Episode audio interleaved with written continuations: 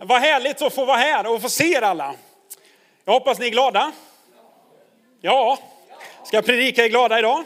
Jag fick ju, jag insåg ju förra söndagen var jag nere i Småland och predikade två möten och på vägen hem på kvällen där så eh, så, så sätter jag på och lyssnade på den söndagspredikan eh, av Simon där att, eh, eh, ja, om Jesus kommer. Har du tagit emot Viljus märke heter ju predikan. Eh, och jag tyckte det var så härligt för mitt i den här predikan mot slutet så hörde jag bara att tycker ni det här är jobbigt, kom nästa söndag. För då predikar Martin ett härligt evangelium om förlåtelse. Så han har sett upp hela grejen. Eh, så att det är ingenting annat än ett härligt evangelium om syndernas förlåtelse jag ska förkunna för er. Eh, och efter många år tillsammans så vet Simon att eh, det är Jesus igen. Det är Jesus han predikar varje söndag. Eh, sen sätter jag lite olika rubriker, men vi hamnar alltid in i samma sak i alla fall. Eh, och det är härligt. Så jag har inget nytt att komma med denna söndag, utan jag predikar samma sak igen. Eh, och kommer fortsätta med det tills dess att Jesus kommer tillbaka. Eh, vet ni vad? För några månader sedan, den 15 januari i år, så har ni koll på vad ni gjorde då? Nej, det hade ju inte jag heller haft koll på. Om det inte så att eh, jag eh, tog en liten stund och försökte tänka på vad jag eh, gjorde den dagen. Men vet ni vad? Det var världskuppen i skidskytte. Och jag vet inte, gillar ni skidskytte? Ja, lite sådär. Nu är vi alla upptagna av SHL-finalen. Eh, nu var det lite dyster förlust igår, men vi kommer tillbaka. Eh, den lila gula kommer en dag att segra. Eh, men vet ni vad? Den 15 januari så var det världskuppen i, i Ruhpolding i Tyskland. Eh, denna fantastiska plats som jag aldrig har besökt. Men det var herrarnas stafett fyra gånger 7,5 kilometer, precis, skidskytte. Och eh, vi hade vår svenska uppsättning med, nu ska vi se här er kunskap då, med Peppe, Peppe Femling, ja precis. Eh, Jesper Nelin, där kom det. Och sen kommer det vackra. Martin. Precis, och sista sträckan av Samuelsson. Precis, titta ni kan det här. Eh, jag tror att jag satt och kikade på den här stafetten, men om inte annat, ni undrar var jag är på väg, men det kommer snart en bra poäng med det här. När vår första man, Peppe, inte främling utan femling, går ut så, så gör han det bra. Och när han kommer in på det andra skyttet som är stående, så går han in på bana 18, han drar upp sitt gevär, han skjuter första och man sitter där framför tvn och tittar. Ingen träff, ingen bom. Han skjuter andra skottet, ingen träff, ingen bom. Minns ni det här? Nej. Han skjuter tredje skottet, ingen träff, ingen bom, men man tänker vad är det som händer? Varför sker det ingenting? Han skjuter fjärde skottet och inser att han skjuter på bana 17. Aj, aj, aj. Han har sett, av fyra skott sätter han tre av dem på Norges bana. Aj, aj, aj. Det var inte bra. Han går ut, det är ganska stor förvirring i hela liksom stadion där. De står och ropar på honom att det är fel bana. Och man tänker så här, kära Peppe Femling, eh, vad hände här? Och han säger efteråt i en intervju, det har hänt en gång tidigare. Men då var jag 9-10 år någon gång tror jag det var. Det är inte okej okay nu. Men han var väldigt laddad, går in på bana 18, skjuter på bana 18. Och då kommer vi till min predikan. Vad tittar du på? Vad är det du har siktet inställt på? Vad låter du dina ögon få se för någonting? Det är väldigt viktigt att man ser på rätt saker. Sverige gick ut, kom in som eh, åttonde i den stafetten. Man tänker så här, Norge fick ju hjälp ändå att få ner tre. Eh, och det var ju fint gjort, men det hjälpte inte Norge kan jag säga. Eh, de var lite måttligt irriterade över den där händelsen. Eh, och vi har ju goda relationer med Norge som ni vet. Och, men, men oavsett det så är det så här, det är viktigt vad vi tittar på. Vad som upptar våran tid, vad som upptar vårt fokus, vad vi låter våra ögon se. Och då handlar det inte bara om att säga, jag undrar vad tittar ni på för liksom serie idag på Netflix? Eller vad är det för liksom ny film som är på gång i Simor Eller vad är det ni liksom ser? Utan vad är det vi låter uppta våran tid? Vad upptar våra tankar, vårt sinne? Vad faller våra ögon på? Är ni med? Det är väldigt, väldigt viktigt. Och vi ska ge oss rakt in i Matteus evangelium, eh, kapitel 14. Eh, då har vi ett tillfälle när Eh, när, när Jesus först har varit med lärjungarna och så mättat eh, 5000 människor, eh, förutom kvinnor och barn, med bara, kommer ni ihåg hur många bröd var det? Med fem bröd och två fiskar. Jag är lite så pedagogisk idag. Eh, kör lite läxförhör tänkte jag säga, det är det ju inte. Eh, ni kan ju er bibel eh, och det hör jag ju. Eh, Fem bröd och två fiskar så mättar han tusentals med människor. Och på kvällen där så, så säger han till lärjungarna att gå ner till sjön, Galileiska sjön, ge er över till andra sidan så är jag kvar här och så ser jag till att sända iväg folket. Eh, och lärjungarna på kvällen går ner, sätter sig i båten, ska ta sig över till andra sidan. Eh, Jesus skickar iväg folket, går upp på berget och för att vara ensam och för att be. Vilket i sammanhanget är också en väldigt viktig poäng. Det är viktigt ibland att dra sig undan och be. Det är viktigt ibland att inte bara be tillsammans med andra människor, utan ta sin stund tillsammans med vår himmelske fader. En viktig poäng. Så Jesus är där, lärjungarna är ute, de ska ta sig över till andra sidan och så står det att, att de har kommit ganska långt men de har motvind. Och att, att ro i motvind eller ta sig över kan vara ganska kämpigt. Vågorna går, det är mitt på natten och mitt där så kommer Jesus gående på sjön. Och då tänker någon, ska han predika det här igen? Jajamensan. Jag håller mig till vissa berättelser. Nej då, jag eh, kör lite olika. Men eh, poängen är, Jesus kommer gående på sjön, på vattnet. Och det är många gånger jag måste stanna upp och bara, vad är det som händer? Att försöka sätta mig in i situationen, lärjungarna är i båten, vågorna går, det är lite mörkt ute, eller mycket mörkt. Eh, och det går upp och ner och plötsligt ser man någon komma gående på vattnet. Det måste varit väldigt, väldigt märkligt. Eh, och, och det står att lärjungarna börjar skrika för att de är så rädda. Och de tror att det är ett spöke som kommer till dem gående på vattnet. Jag vet inte vad du hade trott. Eh, men något märkligt hade det varit om man är ute i båten mitt på sjön och ser någon komma gående. Men i hela den berättelsen eh, så, så står det ifrån vers 28, eh, ja vi kan ta innan här, vers 27 också. Då står det så här, men genast Eh, ja, vi kan ta vers 26 då, eh, i mitten där. Det står så här, det är ett spöke och de skrek av rädsla. Men genast sade Jesus till dem, var lugna, det är jag, var inte rädda. Och Petrus svarade, Herre om det är du så befall mig att komma till dig på vattnet. Han sade alltså Jesus, kom. Petrus steg ur båten och gick på vattnet fram till Jesus. Är ni med? Vilken grej! Är ni med Peter? Det, det här är ju ändå, han går ut och går på vatten. Så många lägger ju tyngdpunkten på när han börjar sjunka. Men man kan stanna ibland av att han gick ju på vatten. Petrus gick ut från båten, började gå på vattnet och går fram till Jesus. Och då säger han, det går ju inte. Nej, det gör det inte, men han gjorde det i alla fall. Och jag älskar människor som gör det som inte går. För jag möter människor som säger så här, men det här går inte Martin. Och om du vet så triggar det mig mer än någonsin när någon säger så. Det går inte, för då vet jag att det går. Det finns alltid en väg igenom, det kommer alltid att gå i alla fall. Och Petrus går på vattnet, men så kommer man till den här versen då. Vers nummer 30, så står det, men när han, Petrus, såg. Vad tittar man på? När han såg hur stark vinden var så blev han rädd. Han började sjunka och ropade, Herre, rädda mig. Och genast sträckte Jesus ut handen och så vidare. Men det står att han gick på vatten, han behövde en sak, ett ord från Gud. När Jesus sa, kom, så gick han. Och han såg på Jesus, vattnet bar honom, det omöjliga blev möjligt. Varför då? För att han hade sin blick riktad på Jesus. Men så plötsligt började han se någonting annat. När han såg hur vinden låg på, när han såg vågorna, när han började inse, det här går ju faktiskt inte. När han såg vågorna så började han bli rädd. Och det är så många gånger vi som människor kan se på Jesus och livet går väldigt, väldigt bra. Men så börjar vi säga, nej men det här går ju inte.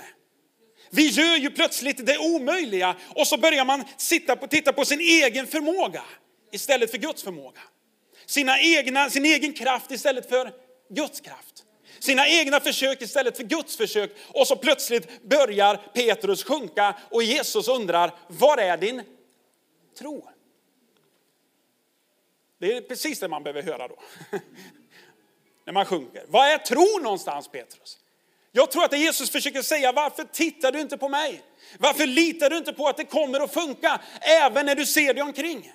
För vi som kyrka och vi som människor i vår vandring med Jesus kommer eh, förhoppningsvis att växa i våran tro ut med hela livet. Vi kommer ta steg och inse att det bär, det Gud säger är sant. Många gånger så, så börjar vi se det omöjliga bli möjligt. Och vet du vad, i det så stretchas vår tro, våra muskler, våra muskler växer. Och vi börjar, men vi kommer att möta motstånd. Vi kommer att möta omständigheter, vi kommer att möta människor som inte gillar det vi gör. Som inte tycker om det som händer. Och vet du vad? Du har ett val att göra. Vad är det du kommer titta på? Kommer du titta på Guds ord? Eller kommer du börja titta på vad människor säger?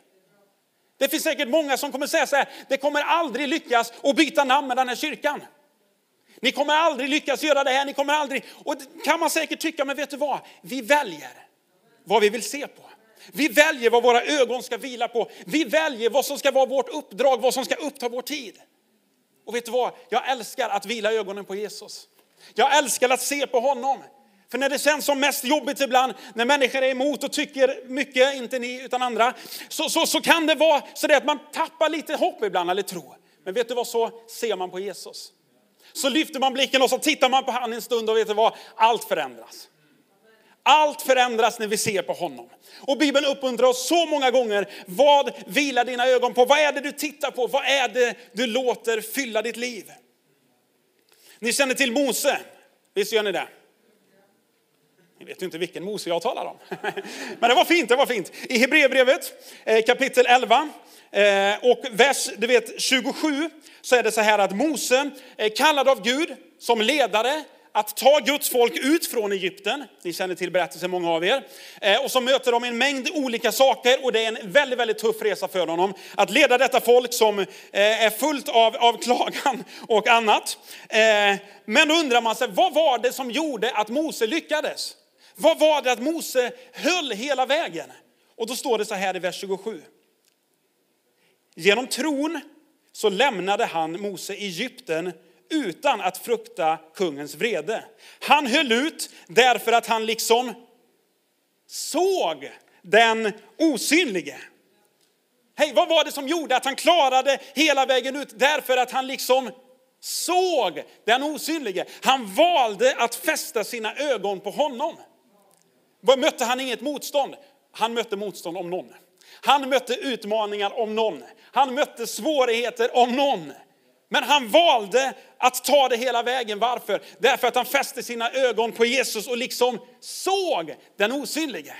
Och det är en uppmuntran till dig idag. När det är jobbigt, när människor tycker saker, när du möter omständigheter som inte är för dig, låt dina ögon vila på honom. Ta en stund och se på Jesus. Tänk om vi människor varje dag skulle sätta av lite tid för att bara se på honom. Att bara titta på honom en stund, bara beundra honom en stund, tänka på vem han är en stund. Det skulle förändra våra liv. Ja, det finns en låt som jag älskar så mycket som heter En liten stund med Jesus. Och vad det ändrar allt. Att bara ta en liten stund, det är en sån uppmuntran att, att mitt i allting varje dag sätta av en liten stund med Jesus.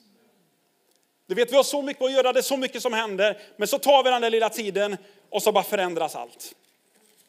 I Hebreerbrevet kapitel 3, det är som ett litet studium idag.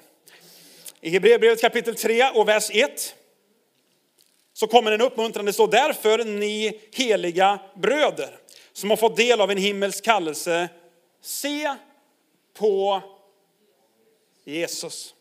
Se på Jesus, den apostel och överstepräst som vi bekänner oss till. Och så fortsätter det. Vad är uppmaningen till de heliga bröderna och systrarna?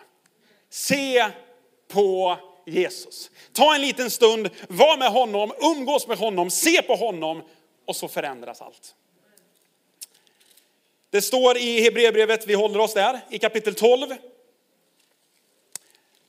ska lägga en liten grund här, vers, eh, vers 1-3. I Hebreerbrevet 12, vers 1 och framåt så står det, när vi nu har en så stor sky av vittnen omkring oss, låt oss då lägga bort allt som tynger och särskilt synden som snärjer oss så hårt och löpa uthålligt i det lopp vi har framför oss. Och låt oss ha blicken fäst på Jesus. Trons upphovsman och fullkomnare. För att nå den glädje som låg framför honom så uthärdade han korset utan att bry sig om skammen och sitter nu på högra sidan om Guds tron. Tänk på honom. Tänk på Jesus som fick utstå sådan fiendeskap från syndare. Varför då? Så att ni inte tröttnar och tappar modet. Så vad är det vi ska göra? Tänk på honom.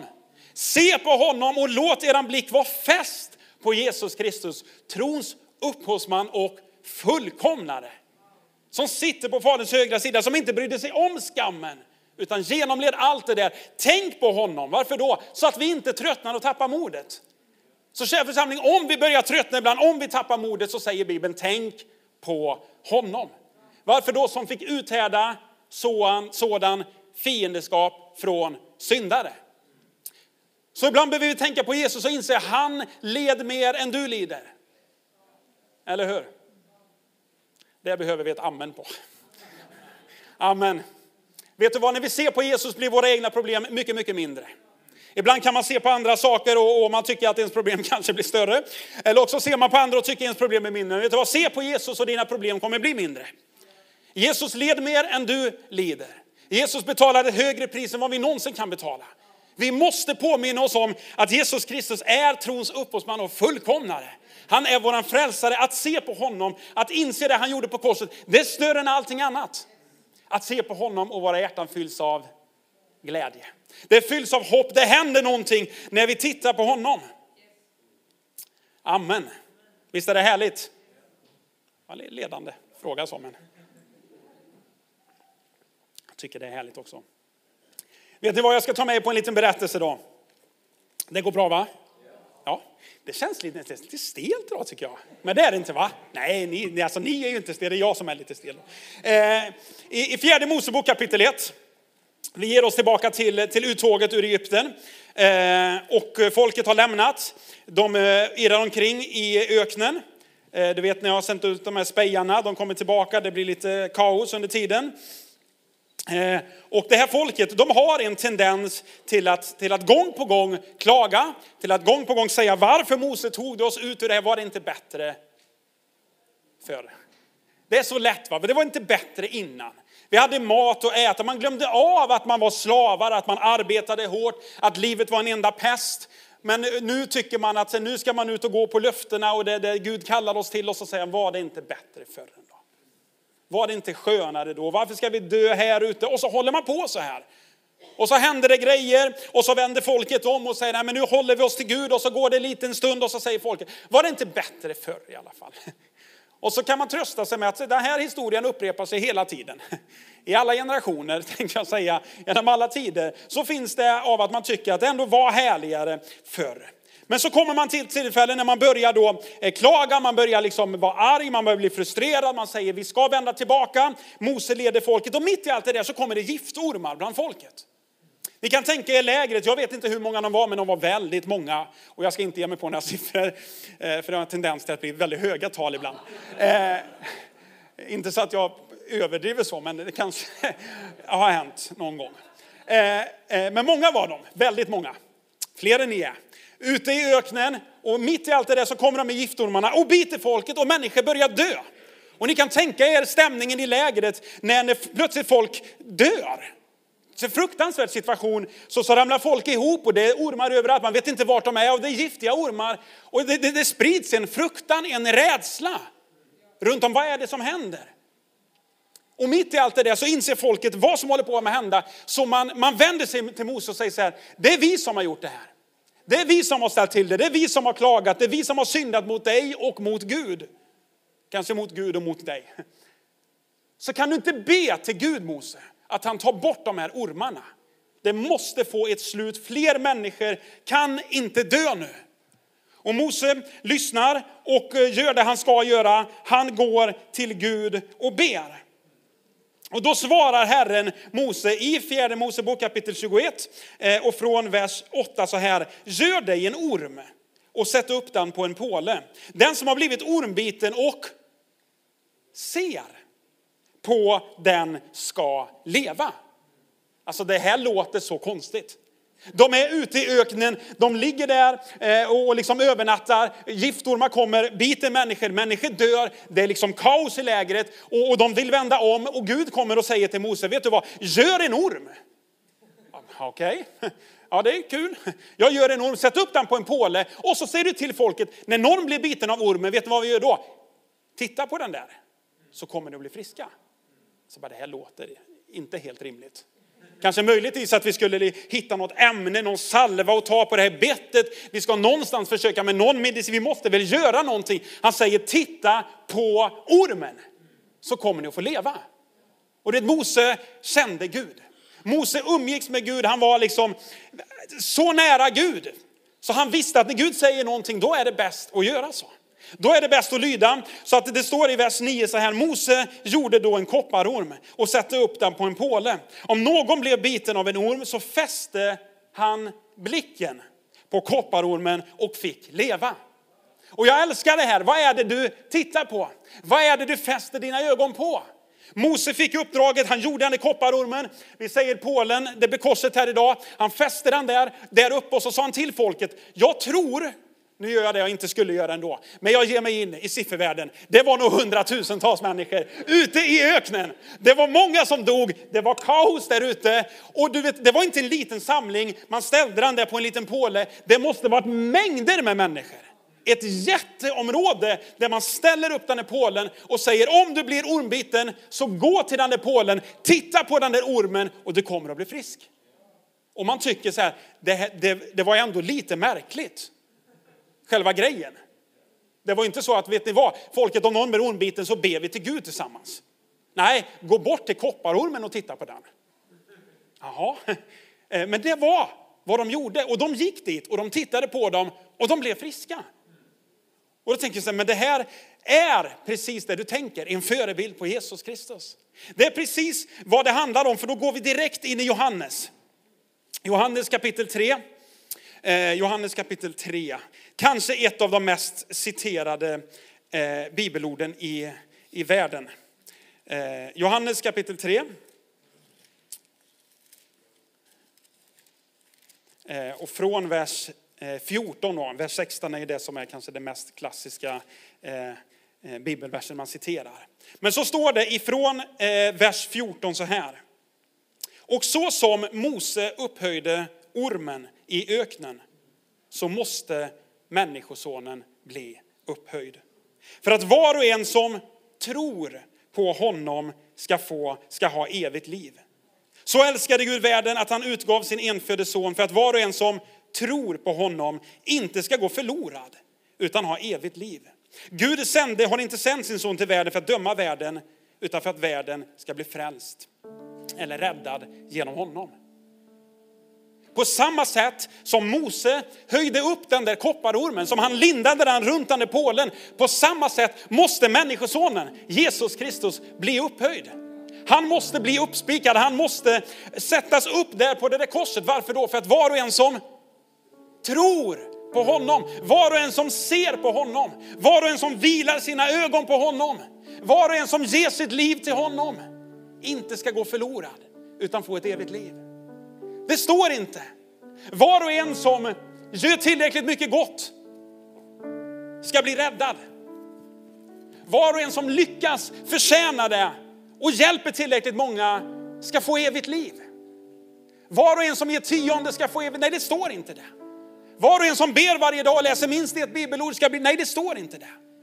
Det står var och en som tror. Du vet att, att tro, Bibeln säger att tro är en övertygelse om det man hoppas, en visshet om det vi inte ser. I brevbrevet 11.1, att tron är en övertygelse.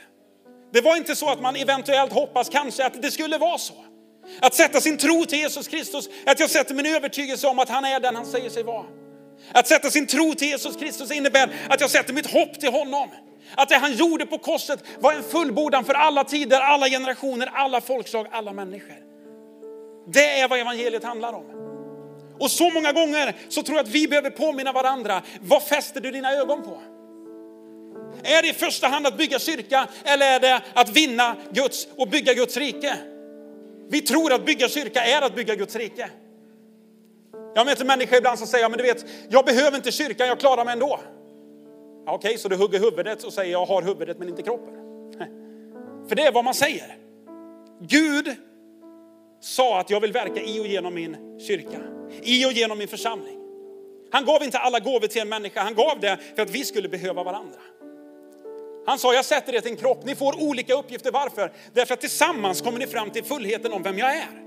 Det är inte en människa som sitter inne på sanningen. Det är inte en som kan allting. Tillsammans läser vi och skapar bilden av vem Jesus Kristus är. Och vet du vad, jag tror att vi behöver uppmuntra varandra. Vi behöver uppmuntra varandra att se, inte i första hand på hur det ser ut på vad vi gör, vi ser på honom. Så länge vi gör det, vet du vad? Det är så mycket som kommer förändras i våra liv. Så mycket problem kommer försvinna om vi varje dag tog en liten stund med Jesus. Om vi varje dag bara sätter av en liten tid tillsammans med honom. Jag lovar dig, och det säger jag inte ofta, det kommer förändra ditt liv. Jag menar allvar, det kommer förändra ditt liv. Så många människor fastnar i det egna. Man ser på sig själv, man ser på sina egna saker, sin egen kraft, sin egen förmåga, sin kyrkas förmåga. Men vet du vad, vi tittar på Jesus Kristus. Vi ser på hans förmåga. Vi ser på vem han är. Och vet du vad? Han förvandlar liv. Varje dag runt om hela världen så förvandlar han liv. För vilka då? För de som väljer att fästa sina ögon på honom. För de som väljer att säga Jesus, jag tror på att du är Kristus, på att du är Messias. Jag tror att du Jesus Kristus kom hit till jorden. Jag tror att du är den som blev upphöjd, upphängd på ett sånt där kors, uppspikad där. Själv var du utan synd, men du blev gjord till synd i mitt ställe. Vet du vad Jesus, jag tror att du är den som dog på det korset med min synd. Med min sjukdom, med min död, med hela världens synd. Jag tror att du Jesus Kristus dog, men jag tror att du på tredje dagen uppstod ifrån de döda. Jag tror att du Jesus en dag kommer tillbaka. Och jag är övertygad om att var och en av oss som sätter sitt hopp till honom kommer att få ett evigt liv. Vet du vad, det är det evangeliet vi förkunnar. Att var och en som sätter sitt hopp till honom, var och en som ser på honom, kommer inte att gå förlorad. Hej, vi kommer att få ett evigt liv. Och ju mer det upptar mitt sinne, ju mer jag ser på honom, desto mer och starkare så brinner någonting på insidan som säger fler människor måste få höra. Fler människor måste få uppleva. Fler människor måste få uppleva den Jesus, det budskapet, det evangeliet.